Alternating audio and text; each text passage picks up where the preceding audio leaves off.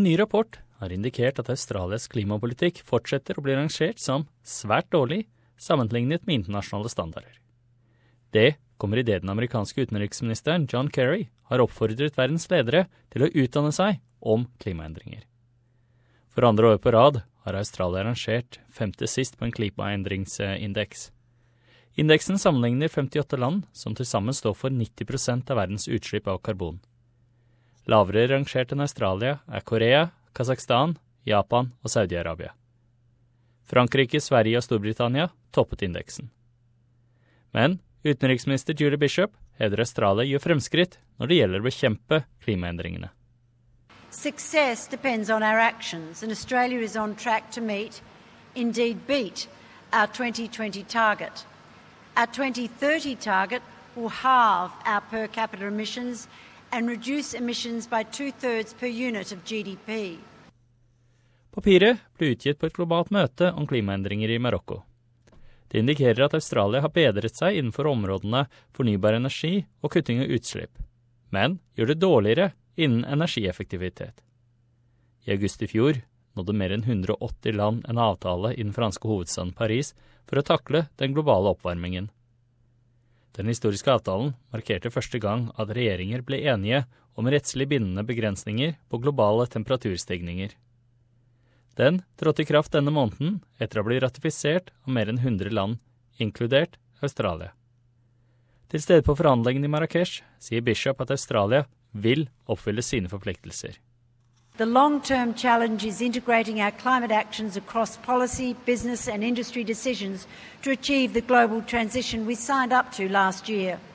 Australia is committed to this long term goal, and we look forward to working across the climate landscape to make this happen. Også USAs utenriksminister John Kerry er i Marokko, og han oppfordret verdens ledere til å utdanne seg om klimaendringer.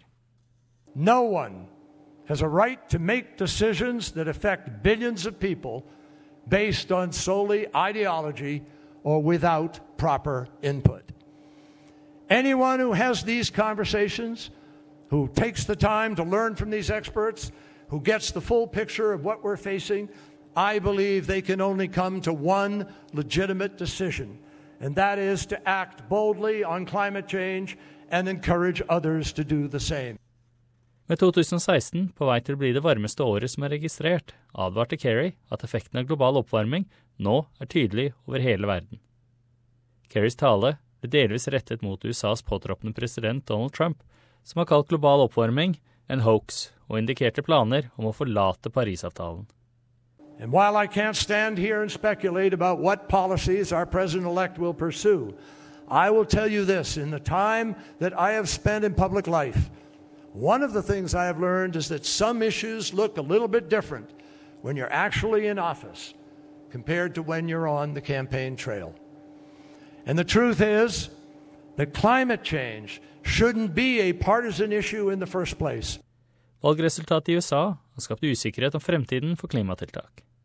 Men ikke alle har problemer med Donald Trumps posisjon. I et intervju med Sky News har tidligere statsminister Tony Abbott ønsket velkommen Trumps holdning til problemet.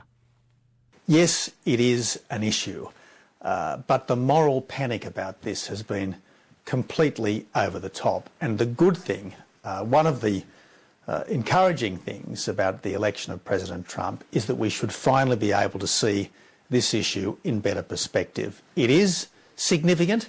Uh, we should take reasonable steps to limit our emissions, but the last thing we should do is uh, impose socialism in the name of misguided environmentalism, and that has been the risk for a very long time.